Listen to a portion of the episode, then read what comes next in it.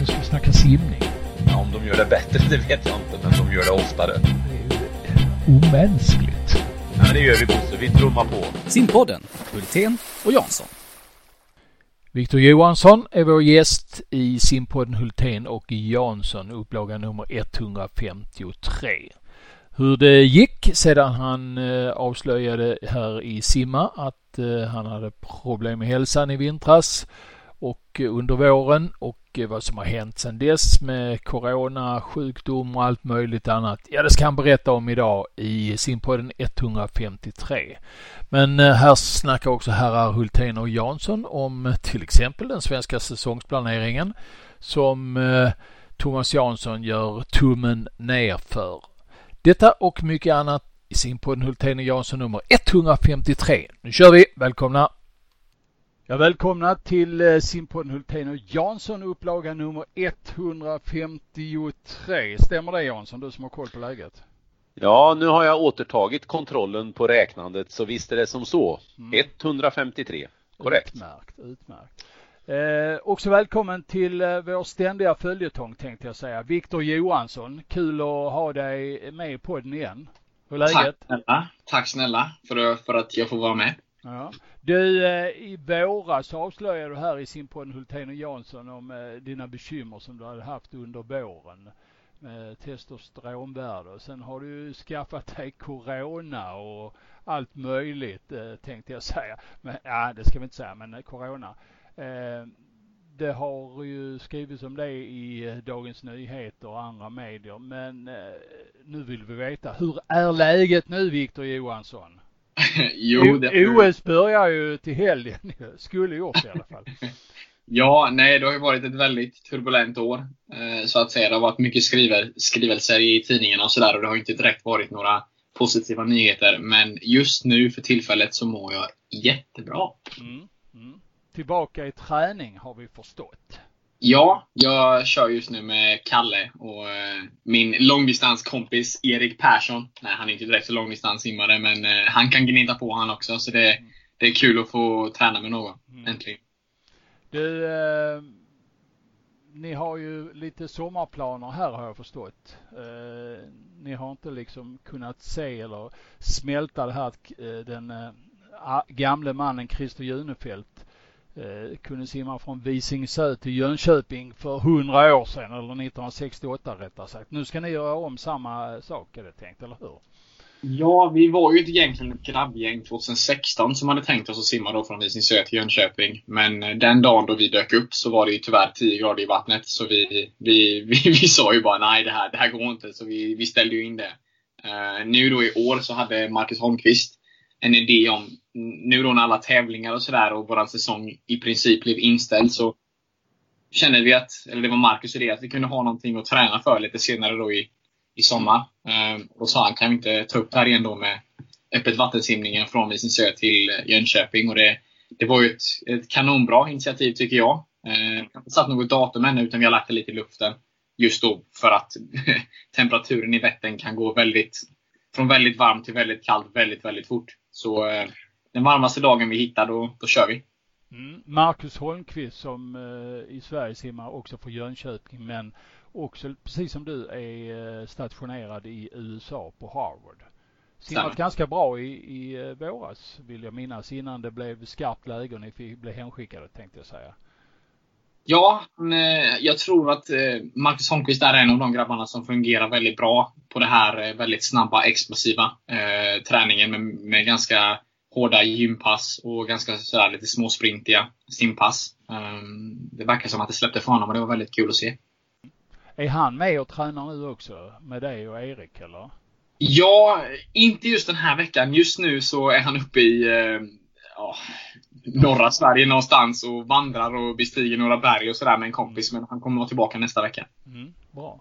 Du, eh, hur kom du hem från USA? Ja, det, det var ju en väldigt eh, spännande och väldigt turbulent eh, period där också. Eh, jag hade ju egentligen tre resor då med Norwegian som blev inställda. Eller jag, bok, jag fick boka om, rättare sagt, tre, fyra gånger. Eh, och efter den då, tredje eller fjärde gången, jag kommer inte riktigt ihåg, så kände jag bara att nej, det är inte meningen att jag ska åka hem till Sverige, utan det är lika bra att jag stannar här i USA. Ehm, och sen då, tre, fyra, fem dagar senare så testade jag ju positivt då för coronaviruset. Och då kände jag ju verkligen då efter några dagar att nej, nu, nu vill jag hem. Nu har det, nu har det varit liksom tillräckligt. Nu, ja, jag vill inte vara kvar i USA för allting är stängt. Alla mina kompisar de är hemma hos sina familjer. Jag är helt ensam. Eh, och då fick jag också sitta i karantän i typ tre veckor. Så ehm, nej, det var inte så jättekul. Så då, då ringde jag upp mina föräldrar och ehm, berättade då för det. Några dagar tidigare så hade en kompis eh, från USC, en tjejkompis som bor uppe i Stockholm, lyckats komma hem med flygbolaget KLM. Så då ringde hon och sa det till mig, för hon visste att jag hade försökt ta mig hem. Så då sa hon att hon hade lyckats komma hem och det funkade jättebra. Så då berättade jag för mina föräldrar. Och då sa de liksom att de hörde, de hörde det på min röst. Och jag såg det i mina ögon att jag var helt slut. Och jag, jag, mådde, liksom, jag mådde liksom inte bra. Det är lika bra att säga så. Liksom. Jag, jag mådde inte bra. Och då mamma sa bara nu, nu skickar jag en länk till dig med flygbiljetter. Nu bokade de så syns vi imorgon. Puss och kram, hej då. så var det liksom. Det var, det var väldigt, väldigt sådär direkta, ja vad ska jag säga. Hon, hon, hon styrde mig helt enkelt. För i den situationen så kunde inte jag ta ett beslut. Utan hon sa, nu skickar jag en länk, nu bokar du ett flyg. Du, liksom, du tar en taxi till flygplatsen och så syns vi imorgon. Hej då.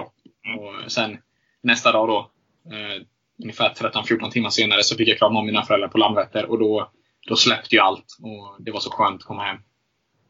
Och när kom du hem? Um, ska se, det måste varit 6 eller 7 juni. Mm. Skönt när morsan pekar med hela handen ibland. Ja, det, ja, det är skönt ibland när någon kan ta ett beslut för dig. För just i den situationen där så ja, med allting som var nedstängt och du vet, jag trodde ju att det fanns hopp om att allting skulle öppna igen. Jag skulle kunna hänga med mina kompisar och sådär. Men jag menar, det är, det är snart augusti och det är nästan värre än någonsin just nu. I alla fall i Los Angeles där jag bor. Så nej, jag är väldigt glad över att jag åkte hem. Jaha, och nu som sagt var då är det förberedelse lite för Visingsö som är närmålet då. Eh, Jansson, det här är någonting som du eh, ägnar dig åt också. Simma i kalla vatten med, med konstiga utkläd, utklädningsmaterial. Skillnaden mellan Viktor och mig är att när jag simmar så kan de inte avgöra åt vilket håll jag simmar. För det går så sakta. Men, nej, men jag har massor av frågor och jag tänkte backa tillbaka lite först till, eh, till det här med din hemkomst och uh, sjukdomen. Uh, vi pratades ju vid i telefon för några veckor sedan du och jag. Ja, först hade jag ju äran att prata med din farmor, var det det? Ja, du ringer och, ringer och raggar på min farmor. Ja, det är inte det sämsta vet du, så att um, det, det, får du leva med. Men i alla fall, då berättar du lite grann att du lite har grejat med din kost. Stämmer. Kan inte du utveckla det? Jo, ehm, så detta började ju egentligen då redan i eh, oktober, november när jag började må dåligt. Eh, då egentligen då mina hormoner började att ja, men, rasa kan man väl säga. Och jag var ganska snabbt i kontakt med många olika nutritionister och kostrådgivare och allt möjligt. Och både i Sverige och i USA. Och det enda direktivet jag fick det var att jag skulle öka mitt kolhydratsintag. Ehm, det var det enda beskedet, eller liksom så, det jag skulle följa. Ehm, så det gjorde jag ju i två, tre månader. Du vet, till lunch och middag så tryckte jag i mig liksom ett paket pasta. Och sen så var jag hungrig, då var det mer och det var havregrynsgröt och det var bars och det var äh, det var som att jag, jag kände mig som en soptipp i princip. Ehm, för det enda fokuset för mig just då var protein och kolhydrater. Massa, massa kolhydrater. Så under den tiden så låg jag väl på en 6-7 tusen kalorier om dagen ungefär. Eh, men ingenting hände. Eh, jag mådde fortfarande dåligt. Jag kraschade på passen. Jag var, min energi, det spelade ingen roll hur mycket jag åt, utan min energi kraschade ändå. Jag kände mig som att ja, jag var typ det var som att min kropp inte, inte kunde ta upp det den fick i sig. Um, och ja, Den bara skrek liksom. Och, och, i samband med det här så mådde jag inte bra heller. Jag var ju i princip deprimerad och jag gick runt i Los Angeles. Och jag menar, du kan ju tänka dig en, du vet, i januari, februari, mars där när de normalt sett man är i Sverige, det är ganska kolsvart och det är lite mörkt och lite sådär. Jag gick runt i Kalifornien, det är hur fint som helst, det är soligt. Jag har allting som jag behöver med mat, eh, med träning, med tak över huvudet och allt det här. Allt är liksom perfekt egentligen. Men jag gick runt och var deprimerad och frågade mig själv vet, vad, är det, vad är det som händer? Jag, jag vill inte vara här. Vad är meningen med livet? Och hade jag frågat någon där, en doktor eller läkare eller någonting, så hade de väl sagt att jag var deprimerad eller något. Men det var ju som sagt mina hormoner som spökade. Ehm, så jag berättade ju detta för mamma och pappa och vi pratade om det varje dag. Och sen till slut då så kände vi att det här funkar inte. Det här med bara att öka kolhydratintaget, det, det fungerar inte. Så vi, vi började höra av oss till andra människor, vi började läsa i studier. Ehm, och helt enkelt gräva i detta då för att se om det finns något annat och om det är fler människor som har haft problem med det här. Ehm, under den här tiden då så visste vi ju att jag hade låga testosteronvärden. Um, så det var ju senare då i februari-mars. Och uh, det vi hittade var att troligtvis i min kost, i min kost så har jag haft vad ska man säga, ett väldigt lågt fettintag. Uh, och jag kan påminna mig själv, jag, vet, jag kommer ihåg när man åkte och handlat och man har varit hos kompisar och så här, man äter en macka och man äter skinka på mackan, man har ingen ost på mackan. Man köper minimjölk, man köper lättmjölk, lättkeso. Man äter sån här billig glass med bara 300 kalorier och håller sig borta från de här riktiga produkterna egentligen. Som du vet, en riktig vaniljgräddglass där det egentligen bara är ägg, mjölk och grädde och socker. Um, utan man trycker i sig massa annat istället. Och Det var inte för att jag hade en dålig syn på att fett gör mig Alltså att jag går upp i vikt av att äta fett. Utan det var bara den här att jag behöver inte fett. Um, så i och med de här studierna vi läste så tänkte vi att det är lika, det är lika bra att ge det en chans. Ehm, så sen dess, när var det, i april någon gång kanske, så till varje måltid så har jag alltid fokuserat på att få i mig ett bra, en bra mängd med fetter. Så liksom av oliv, eller olivolja, eller olika oljor, kokosolja, olivolja, avokado, nötter. När jag äter mackor nu för tiden så har jag ost på mackan för att inte begränsa mig på de här fetterna. Ehm, och likaså så har jag ökat mitt zinkupptag ehm, som kan ha förmåga att omvandla eh, testosteron i kroppen. Eh, och ända sedan dess har jag egentligen mått jättebra. Eh, och det är egentligen inte, jag skulle inte säga att det var för att jag ökade min totala kalorimängd. Utan jag fick i mig eh, någonting som min kropp kanske skrek efter. För just nu mår jag betydligt mycket bättre än vad jag gjorde då. Och inga bakslag då när det gäller träning och så vidare utan du har kunnat träna det du har tänkt ha gjort utifrån den plattform du hade? Ja, verkligen. Um, och jag tycker att det här är ett... Jag menar, generellt sett idag så har mäns testosteronnivåer aldrig varit så låga som de är. Um, mm. Så detta kanske är ett problem som, som flera har. Jag menar, jag hade väl en stress på kroppen både från träning och dålig kost. Men jag menar, det är ju jättemånga som kan gå runt och vara stressade i sin vardag. Um, och de blir diagnostiserade med att de är deprimerade istället, precis som jag var. Men det var ju inte det som var problemet, utan jag hade ju problem med mina hormoner och framförallt om min kost. Mm. Um, intressant. Ja, gud vad skönt att höra. Då hoppas vi att det håller i sig. Och så nämnde Bosse då Visingsö och då eh, några träningsfrågor kopplat till det. Tränar du nu hemma hemma lite mer likt som du gjorde innan du åkte över? Eller tränar du lite grann som ni gjorde borta i USA? Eller förbereder du dig speciellt just för Visingsö? Och, eller hur, hur ser vardagen ut? Ehm, jag tror ju att, jag skulle inte säga hur otränad jag än hade varit, att jag hade pallat och simma 30 mil, eller 30 mil, 30 kilometer, förlåt, 3 mil i, i Vättern. Eh, utan det krävs ju en träning där också. Men just nu för tillfället så så bli, har det blivit lite längre, lite mer så som jag tränat tidigare i Jönköping de senaste 4-5 eh, åren. Ehm, just då för att det, det, funkar, det funkar bra för mig. Det, det är ingen risk eller sådär. Det, det, det har alltid funkat. Ehm, och just för tillfället så behöver jag inte trycka på mig så mycket fart när vi egentligen inte har några tävlingar och eh, slipa upp formen för så att säga. Utan det är mer bara den här själva generella basträningen med ganska mycket volym. Och 30 kilometer i Även om det då blir varma dagar så pratar vi ju inte om att det är 26 grader i Vättern. Det har väl aldrig inträffat. Eh, men hur, hur förbereder du övrigt? För det blir det ändå simning i 6-7 timmar eller hur länge räknar ni med att det tar?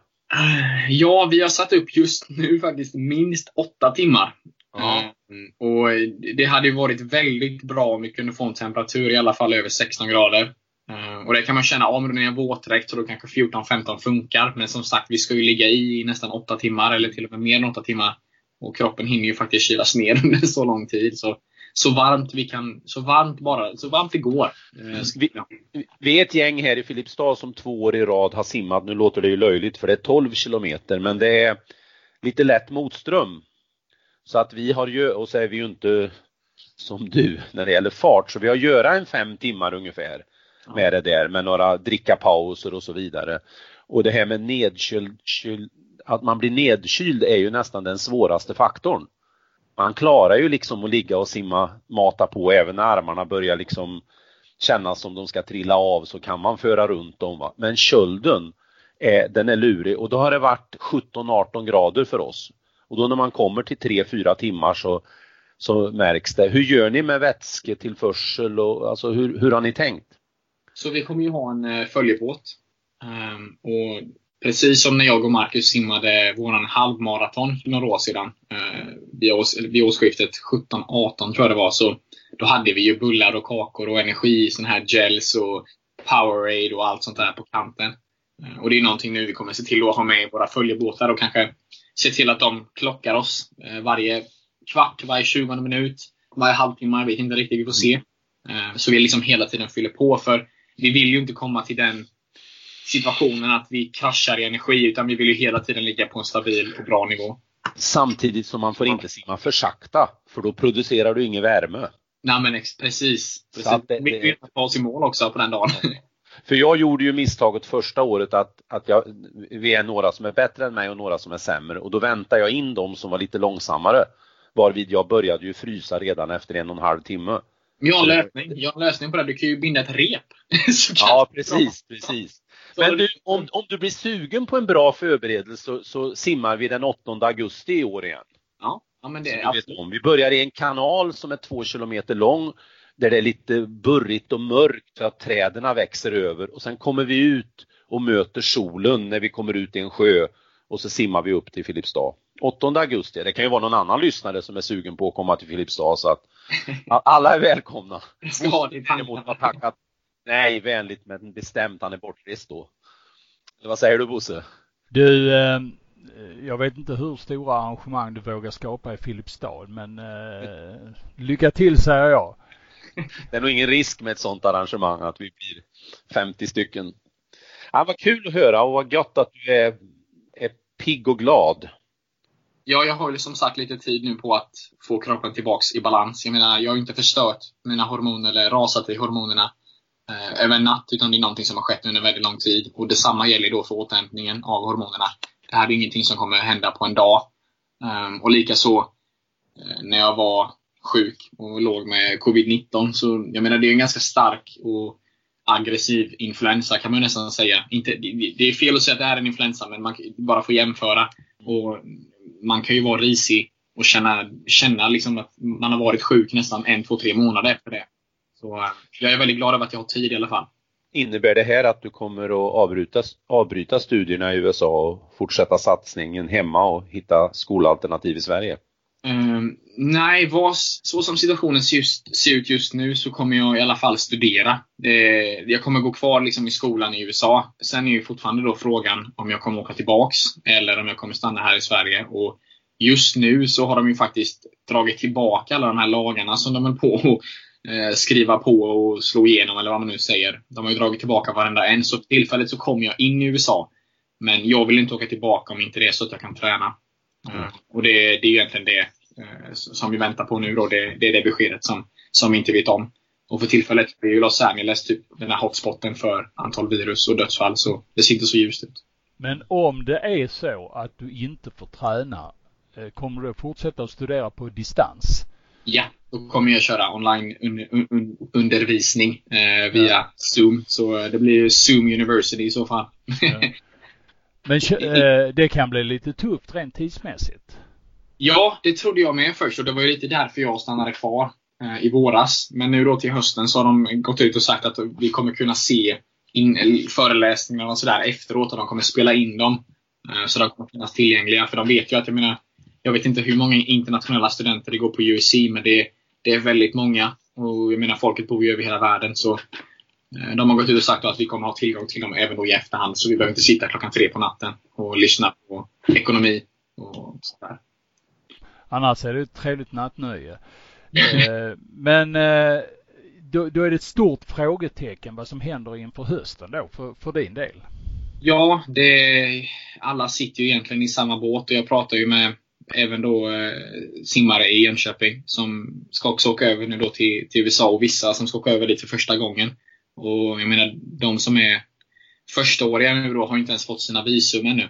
Så de sitter ju i en ytterligare eh, sämre sits än vad jag sitter i. Eh, för de amerikanska ambassaderna här i Sverige har ju varit stängda så de har inte kunnat få sina visum. Um, så det, vi sitter ju egentligen alla i samma båt och det, det är som jag, jag har sagt det ända sedan mars, april egentligen. Du vet när, när allting verkligen var stängt. Det är bara att ta det dag för dag. Vi, vi har inte bråttom någonstans. Om du skulle kommentera din träningsstatus och därmed kanske, ja det är svårt att säga tävlingsstatus, men träningsstatus. Vilken nivå ligger du på nu jämfört med när du fungerade som allra bäst tycker du? Oj, då, eh, då är jag en bit bakom kan jag säga. Eh, jag menar den perioden i USA, jag lyckades ju komma in då och då och kunna simma och även springa och, trä och, och cykla och sådär. Men för mig så var ju den träningen mer motion än träning. Det var ju mer bara för att hålla igång kroppen. Men om man, om man bortser från det så var det ju precis tre, tre och en halv månad utan någon organiserad träning. Plus då att ligga tre veckor med covid-19. Så eh, kroppen tog ju verkligen stryk. Och, eh, och eh, jag menar innan det också, när jag höll på att trycka ner min kropp med, med mina hormoner, så eh, simmade jag inte direkt så snabbt heller. Utan kroppen protesterade ju. Så ja, jag har en lång bit kvar, men jag är väldigt glad över att det inte utvecklar större tävlingar förrän kanske då i maj nästa år. Så tiden finns. Det, det, var inte riktigt svar på min fråga. Jag, jag, vill, jag vill ha ett ganska exakt procenttal. Är det, okay. ligger, ligger oh. du på, på 50 procent av din kapacitet eller är det på 60 eller hur känner Oj. du själv? Jag försökte ju kringå frågan här lite. Ja, jag, jag jag vill, inte, jag vill inte ge dig något svar för det är, det är ju pinsamt vet du. Man vill ju vara i toppform hela året. Nej ja. men eh, Ja men en 50 procent det blir en bra. Mm. Det, det funkar. Det blir jättebra. Jag, jag men just nu spelar inte så jättestor roll. Utan Nej, det, det förstår jag. jag. Jag tycker det är kul att gå och träna varje dag och jag ser liksom att de fem sex veckorna jag har simmat nu har det redan blivit en väldigt stor skillnad de första passen där, första två, tre veckorna var ju jag kunde ju knappt simma en fyrrunding med padeldolmer för mina armar. De var, ja, jag, jag dog ju helt enkelt. jag, jag klarade inte av det, jag var så svag. Så eh, det, var, det har blivit en stor skillnad de senaste veckorna. Men nu har du lång tid att bygga upp dig inför eh, det som förhoppningsvis kan bli ett eh, OS 2021 istället ju. Ja, jag hoppas verkligen det och jag såg på på nyheterna igår. Jag tror det var, jag vet inte om det finns något som heter sportminister, men det var någon som var insatt i Japan i alla fall. Som sa att blir det inget vaccin som funkar eh, nästa år så blir det inget OS överhuvudtaget. Nej. Så, eh, ja, det är mycket som är i luften, men vi får bara hoppas. Mm, mm. Men eh, du har ju framtiden för dig. Verkligen. Ja, och det har ju inte du Jansson. Har du fler eh, frågor till, till Viktor? Nej men nu har vi ju fått en uppdaterad bild av mm. att det är en, en härligt frisk Viktor och att han ska se om han klarar Junefeldts eh, eh, utmaning. Den ser vi fram emot. Den vill vi ha koll på. Du samlar ju in pengar också om jag har förstått rätt, vilket ja. är jättebra. det är eh, Ja, så att eh, Hur samlar ni in pengar? Hur samlar ni in pengarna och till vilket ändamål? Eh, ja, hur vi, vi, vi använder ju oss av eh, so, våra sociala medier och uh, når ut till folk. Um, antingen liksom att vi hör av oss och sådär. Och den, den uh, fonden vi använder just nu är World Food Program som är väldigt, de är väldigt insatta i det vi gör. De har hört av sig, de har delat det vi håller på med, vårt event och sådär. Och de har till och med frågat oss om vi, vi vill bli ambassadörer för deras mm. välgörenhet, vilket är väldigt häftigt. Mm. och jag tror att vi är uppe kanske en 15-16 tusen mm. nu. Vilket du, du kan väl eh, göra så att du skickar informationen till oss så kan vi lägga ut den på Simma också. Ja, verkligen. Eh, så finns det ju anledning för eh, de som lyssnar på det här och andra svenska simmänniskor att supporta er verksamhet. Eller rättare sagt det ni simmar för. Det är ju det som ja, är verkligen. Det är så mycket som tre kronor räcker till en måltid för de som svälter nere i jag menar det här problemet som vi har fått nu då med att allting har varit stängt och sådär. Det tar inte bort problemen som redan finns nere i de här områdena i Jemen och Syrien. Med barn dör av svält och sådär. Så vi känner att det, var, det, var, det var en väldigt bra grej att göra vid sidan om. För vi ska ändå simma. Så varför inte göra det till en välgörenhet?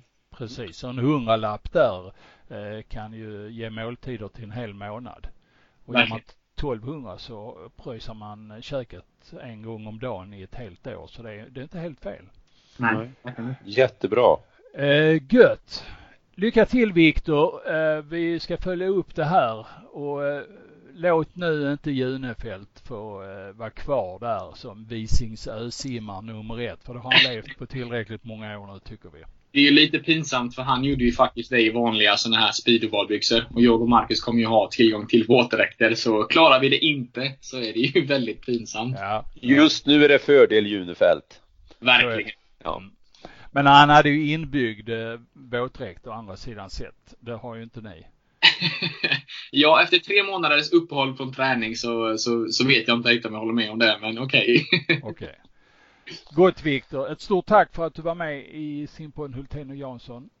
Tack själv. till. Ha det bäst. Hej då. Hej då. Nu ska vi snacka simning. Ja, om de gör det bättre, det vet jag inte, men de gör det oftare. Omänskligt. Ja, det gör vi Bosse. Vi trummar på. Simpodden, Hultén och Jansson. Då är vi inne i andra halvlek av Simpodden Hultén och Jansson i denna upplaga mitt i sommaren anno 2020 och det var nästan så att det skulle börja ett OS här till helgen men så blir det ju inte denna gången. Eh, utan eh, nu eh, så efter snacket med Viktor Johansson så gör du ett litet konstaterande Jansson. Det här är kul grejer han sysslar med. Simma, simma från Ja, jag är ju lite, jag är ju lite intresserad utav såna här äh, grejer. Allt ifrån de här som gör fjällmaraton eller eh, simmarna som på VM simmar 25 kilometer i, i öppet vatten. Vi har folk som springer 10 mil och alltihopa.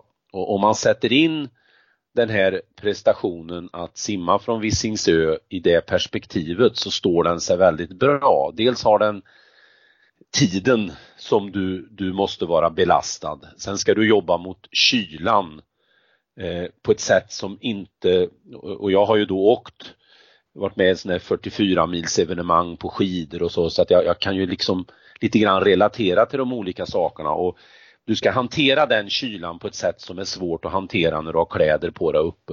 Sen jobbar du med armarna ovanför din kropp, varje lyft du gör som också är en, en eh, utmaning i sig. Plus att du i simning inte kan kontrollera andningen. När man åker skidor eller springer eller eh, cyklar upp för ett berg då kan du liksom ventilera precis så mycket du vill. Men här när man hamnar i ett läge där liksom ibland inte luften räcker till så blir det en utmaning i sig. I tillägg till det kan det ju på Vättern vara väldigt kraftiga vågor. Eh, och förhoppningsvis så, så har de ju koll på att de väljer en dag när vågorna kanske är med, med, med, med dem istället för mot dem. Men så att det här är en kvalificerad grej att göra. Så att det ska bli intressant att se om de klarar av det. Så en stor eloge till Christer Junefelds prestation. Mm. Det är 52 år sedan han gjorde den och som sagt var det är väl dags att, att eh, se till att det blir fler som har gjort det där. Så det blir spännande att följa. Vi ja, ska följa, följa upp detta som sagt var. Mm. Eh, ja du, eh, vi har ju läst här i tidningarna nu eh, hur staten har fördelat det vi kan kalla coronastödet, en halv miljard eh, i pengar eh, mm. till idrotten. Eh, blev det en bra fördelning tycker, du? Nej, jag, jag, tycker det är genant dåligt och helt varför, bekläm. Varför, varför det? Ja, Jo men att, att de här rika föreningarna som har bolag i botten har sån eh, god lobbyverksamhet för sig så att de greppar de här pengarna. De för att kunna betala ut löner som är helt eh, upp i det blå till ishockeyspelare. Ishockeyn har fått mycket till fotbollsspelare. Och de här stora evenemangen är ju eh, företagsevenemang kan man nästan säga när man ska springa ett eh, Stockholm Marathon och så. Så jag, jag tycker ju att staten egentligen spillde med pengar. För det är ju som så att när serierna sen går vidare så kommer ju folk komma och titta på ishockey, på fotboll. Eh, folk är sugna på att springa Stockholm Marathon nästa år. Det är ju inte som så att eh, produkten, alltså de som har intresse för produkten försvinner. Så jag, Nej, sen inser jag att det finns enstaka då arrangemang, föreningar och så vidare där det verkligen kanske behövdes pengar. Men jag tycker man har gjort det lite för enkelt för sig. Det kanske är för komplext att göra det riktigt men slutkänslan är de rika fick mest. Mm. Men så är det väl alltid, eller? ja, fast så vill vi ju inte att det ska vara. Nej.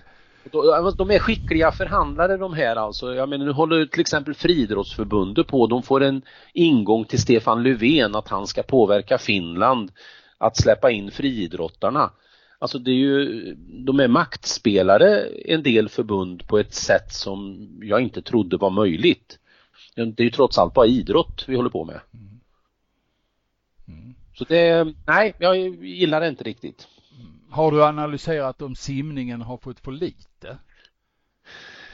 Kan du, kan du säga nej, någonting om det? Ju, nej, nej, det tror jag inte. Alltså jag, jag, det är likadant där. Simningen för de flesta klubbar på totalt sett har ju eh, sparat pengar. Alla hotell som skulle ha betalts, alla resor som skulle ha genomförts och så vidare. Eh, och det här skedde ju i ett läge när de flesta avgifter var betalda. Eh, men jag har inte den detaljnivån kring någon idrott. Det, det är en, en, lite svepande bedömning. Så det, det, tror jag inte att de har fått i alla fall. Man kan väl säga så här lite generellt sett är ju att simningen lever inte på eh, de eh, åskådarintäkter som de stora publikidrotterna gör och de har ju inte försvunnit i simsammanhang. Nej. På samma sätt som de har försvunnit i andra idrotter. Å andra sidan sett så eh, är, har vi ju heller inte lönerna va. Och det Nej.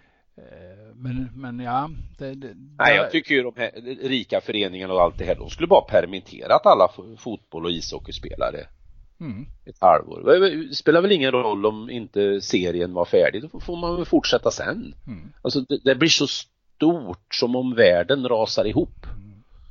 Och sen oerhört stressat då att komma igång igen naturligtvis. Ja. Eftersom man över, eh, petar sig överst på pedestalen i eh, prioritetshänsyn. Va? Nu, vi ser ju hur katastrofalt det börjar bli i USA. Det är till exempel en volleybollturnering nu med 12 eller 17 000 deltagare i Orlando i, i Florida. Frågan är hur många liv kommer den mm. att kräva? Men... En bra grej som Mjällby gjorde såg jag, de skulle stänga möjligheterna för åskådare att hänga på staketet och verkligen markera att det här är inget publikt eh, arrangemang. Mm, mm, mm. Det är starkt gjort. Mm, mm. De vågar mycket på Listerlandet vet du. Eh, låt oss lämna eh, den biten just nu när det gäller eh, eh statens pengar och snacket runt corona. Eh, och så tar vi oss eh, till någonting helt annat. Eh, och då tänkte jag faktiskt att eh, vi skulle snacka lite framtid med eh, simpodden Hultén och Jansson. Nästa nummer, om vi ska slänga iväg en cliffhanger, det blir ju att simpanelen presenteras. Och eh, vi ska väl inte säga mycket mer om det, men eh, att vi, vi kommer att starta upp vår nya satsning med simpanelen här från och med nästa eh, nummer eh, med eh, eh, simpodden. Eh, vad vill du slira in på efter det när vi har haft den lilla cliffhangern presenterad? Ja, jag är ju inte förvånad och då tänker jag på säsongsplaneringen som nu har fastställts. Den svenska simsäsongsplaneringen. Ja. Jag är inte förvånad att det trots många röster från olika håll inte blev egentligen några korrigeringar att tala om. Det var något datum hit och dit. Eh, och, och, det är ju ett ämne som jag tror vi kommer att komma in på med de här nya människorna i podden. Men rent generellt så eh, tycker jag att styrelsen inte har tagit eh, tillräckligt ansvar för den här produkten. Man har låtit ett, eh, ett tjänstemanna jobb egentligen eh, passera igenom eh, så vitt jag kan förstå eh, utan några egentligen styrelsekorrigeringar. Eh, är det så styrelsen som varit inne och pekat noga och liksom då, då får jag ta tillbaka det. Men min känsla är att man har förlitat sig för mycket och då skulle jag vilja göra en liknelse. Eh, jag eh, bakade kanelbullar igår. Eh, och då gick jag ju på ett recept. Och sannolikheten för om man följer ett recept att det blir ungefär lika produkt hela tiden är ju ganska stor. Tittar man på svensk simnings förändringar genom åren så i princip håller man ett recept. Det, det, är ungefär lika, det är samma recept som vi presenteras. Och om någon då tror att helt plötsligt så skulle tingens ordning ändra sig så alltså den här kanelbullen skulle helt plötsligt bli en maffig gräddtårta. Så tror jag ju inte någon gör det. Men när man jobbar med säsongsplaneringen då är det ingen som vill ha en annat, ett annat resultat. Man vill att Sverige ungefär är där vi är på världskartan. Att slumpen, att det kommer någon talang och så vidare. Ingen vågar ta steget och göra ett annat recept så att vi får en annan produkt. Här tycker jag styrelsen skulle ha tagit ett ansvar. Och kanske låtit den här processen eh, snurra runt i, i eh, simvärlden lite mer än man har gjort? Eller tycker du att man har gjort en, ett grundläggande jobb innan det presenterades det här förslaget? Eller är det så att det blev lite förhastat som det ofta blir i sådana här sammanhang att det, det, det, det, kom lite på slutet där man tyckte till lite och sen så har man ändå tagit någon form av eh, enkel lösning här? Nej, jag skulle inte beskriva det så. Jag, jag tycker man har gjort en, en bra in, ansats att göra det ordentligt. Man var tidigt ute för ett och ett halvt år sedan och uppmanade folk till att skicka in olika saker. Jag, jag tror bristen är att eh, man är så, de som till slut bestämmer, tjänstemännen, om jag får använda det lite slarviga uttrycket, de, de har ingen annan idé utan de försöker matcha sin synpunkter som kommer in för att passa in i hur de själva tänker. Alltså man är väldigt opåverkbar egentligen. Eh, man har jobbat med... hårt mm. men tyvärr tänker kanske, vågar inte tänka nytt. Nej. Det har blivit en kattastädning som vi brukar säga. Va? Man har petat lite Eh, här och var eh, lite smått och sen så eh, ser det egentligen likadant ut som när man besökte ja. det här hemmet förra gången. Ja, och sen ska vi ju komma ihåg, att en svensk simning, det finns ju så väldigt mycket bra att säga kring svensk simning. Det finns ju massor av fina saker och alltihopa, men, men om vi på allvar ville liksom bli en annan aktör i världen, mm. då kan vi inte ha samma recept. Nej. Vi ska snacka vidare om detta eh, och vi kommer ämna, eh, ha det som ett eh, ämne i podd nummer 155. Där, där ska vi verkligen penetrera det här och ta, ta en del detaljer som är intressanta. Och ni får gärna höra av er, ni som tycker att det här är, är bra eller dåligt. Peka på enskilda delar i det eller helhetsbilder som ni tycker är rätt eller bra. Eh, rätt eller fel ska jag säga. Eh, hör gärna av er på simmasnabla.telia.com eh, så tar vi upp era eh, åsikter i det här sammanhanget och det kommer till simpodden Hultén och Jansson nummer 155. Eller hur? Mm, det gör det. Mm, bra.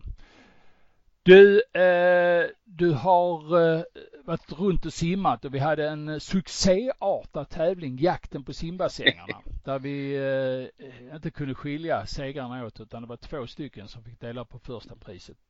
Du har nu simmat i 19 stycken bassänger eh, under två säsonger och du konstaterar eh, att det finns väldigt mycket träningsvatten och träningstid i de här bassängerna, eller hur? De står ju tomma nästan alltid. Ja, det gör de. Ett litet undantag, eh, Trollhättan som har haft eh, stor simskoleverksamhet eh, när vi har varit där. Trevligt. De hade också lite träningsverksamhet för sådana som lärde sig simma och så. Jag vet ju att en del andra föreningar, till exempel Eskilstuna, har gjort en väldigt fin satsning ute i sjö i sommar. vilket ju ska honoreras ordentligt. Men, men det är ju lite förvånande att vi har så många eh, bassänger runt om som inte används egentligen. Vi har simmat eh, själva många gånger. Det har varit lite barn som har lekt förstås, det har varit en och annan motionär, men vi har i princip kunnat haft en egen bana nästan varje gång och simmat. Vilket ju varit jättebra. Eh, sen kan man ju undra vilken form av, vilken nivå på nörderi det är att ge sig ut och eftersom jag tänker fort, fullfölja det här. Jag vet inte om det var din fru som sa att det finns nördar och så finns det Thomas Jansson eller någonting åt det hållet. Ja, någonting ditåt. ja, men eh, nej men det, det är frapperande alltså att eh, det är ingen verksamhet. Det är som att komma till en fotbollsplan när solen skiner och så skulle det inte vara några som spelar fotboll där.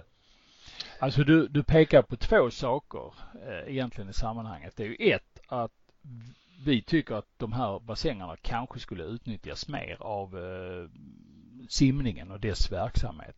Men det finns också en eh, avigsida av detta. Det är ju så att ja, utnyttjas inte bassängerna, de ligger där eh, vackra och fina och med blått vatten så kanske någon kommunalgubbe tycker att det här kostar för mycket pengar och så stänger man den då blir det ju liv i luckan. Mm. Eller någon annan aktör kommer in. Ja. Triathlon, vad det nu kan handla om.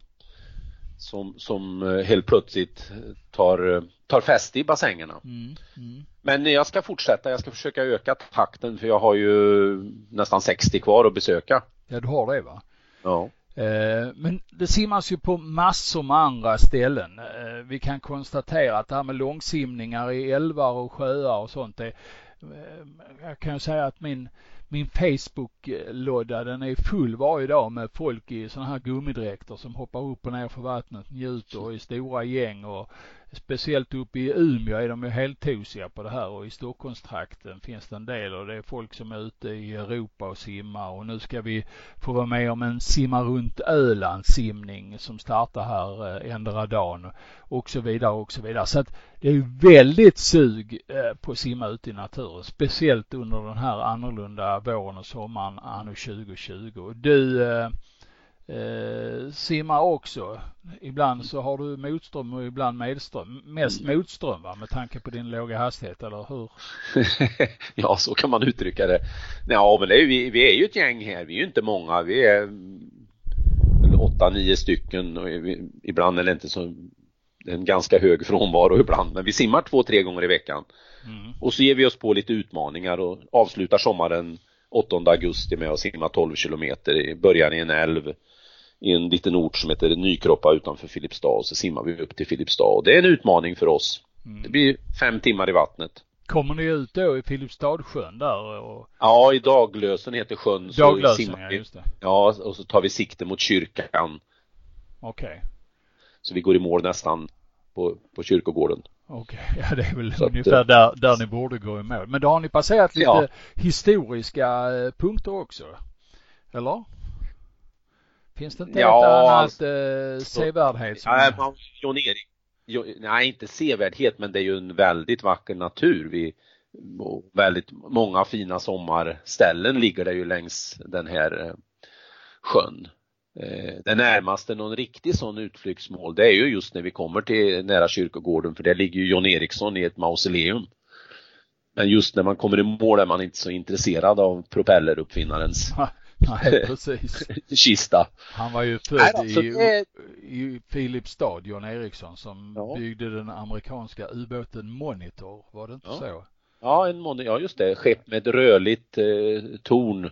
Ja, precis. Som... Så är det. Och sen propellern då. Och brorsan hans eh, var ju lokomotiv fader bland annat i England och var väl med lite på ett hörn på Göta kanal också om jag förstår ja, rätt. Ja. Det kommer mycket från Filipstad. Nu har det kommit en, en kokbok också. Berätta om den. Du, du har ju blivit bokförläggare här på eh, gamla dagar. Nej men, eh, ja gör jag gärna. Jag, hade ju förmånen att bli eh, utnämnd till ambassadör för Filipstad. Sen 30 år tillbaka så utser man en ny varje år. ofta är det riktiga kändisar, alltså Sverigekändisar och så då och då stoppar de in någon någon eh, vanlig människa. Vanlig människa typ och då då ingår det ju att försöka att prata väl om Filipstad, men det har jag gjort hela mitt liv så det var ju inget svårt. Men så är det kul om man kan hitta på något och då eh, har vi skapat en kokbok som, kop som vi har kopplat ihop till olika berättelser, historiska berättelser om Filipstad och så knutit det till mat. Och det innebär att jag är ju inte någon kock och jag är heller ingen författare. Så vi, jag fick ihop ett gäng med en kock och så några andra medförfattare och så har vi fått ihop kokboken och överskottet ska gå till eh, Barncancerfonden. Eh, så det är ett ideellt projekt från, från våran sida. Och den heter Filipstad smakar godast.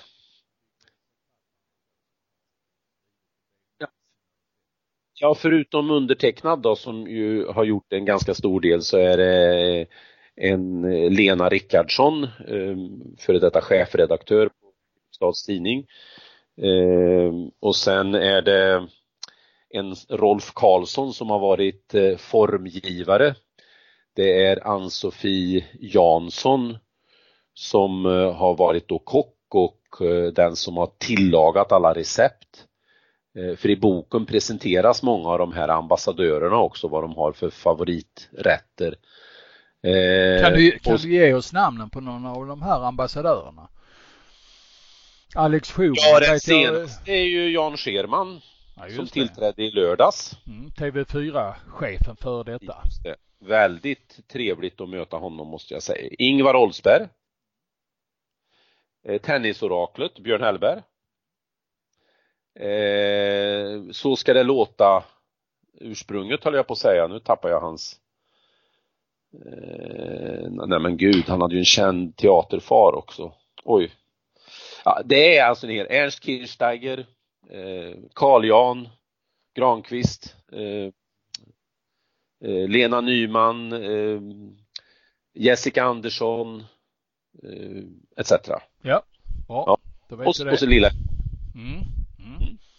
Så den, får ni, den kan man också köpa. Den, köp den kokboken. Det finns massor av intressanta recept. Jag har köpt en större livrem. Ja, bra. Mm. Får man den till kokboken eller nej? Ja, om man vill så ordnar jag det. Ja. Det, det, har ju faktiskt eh, varit riktig simning också om vi ska uttrycka det så. Eh, Vitryssland eller Belarus som vi svenskar också ska kalla dem i fortsättningen tror jag.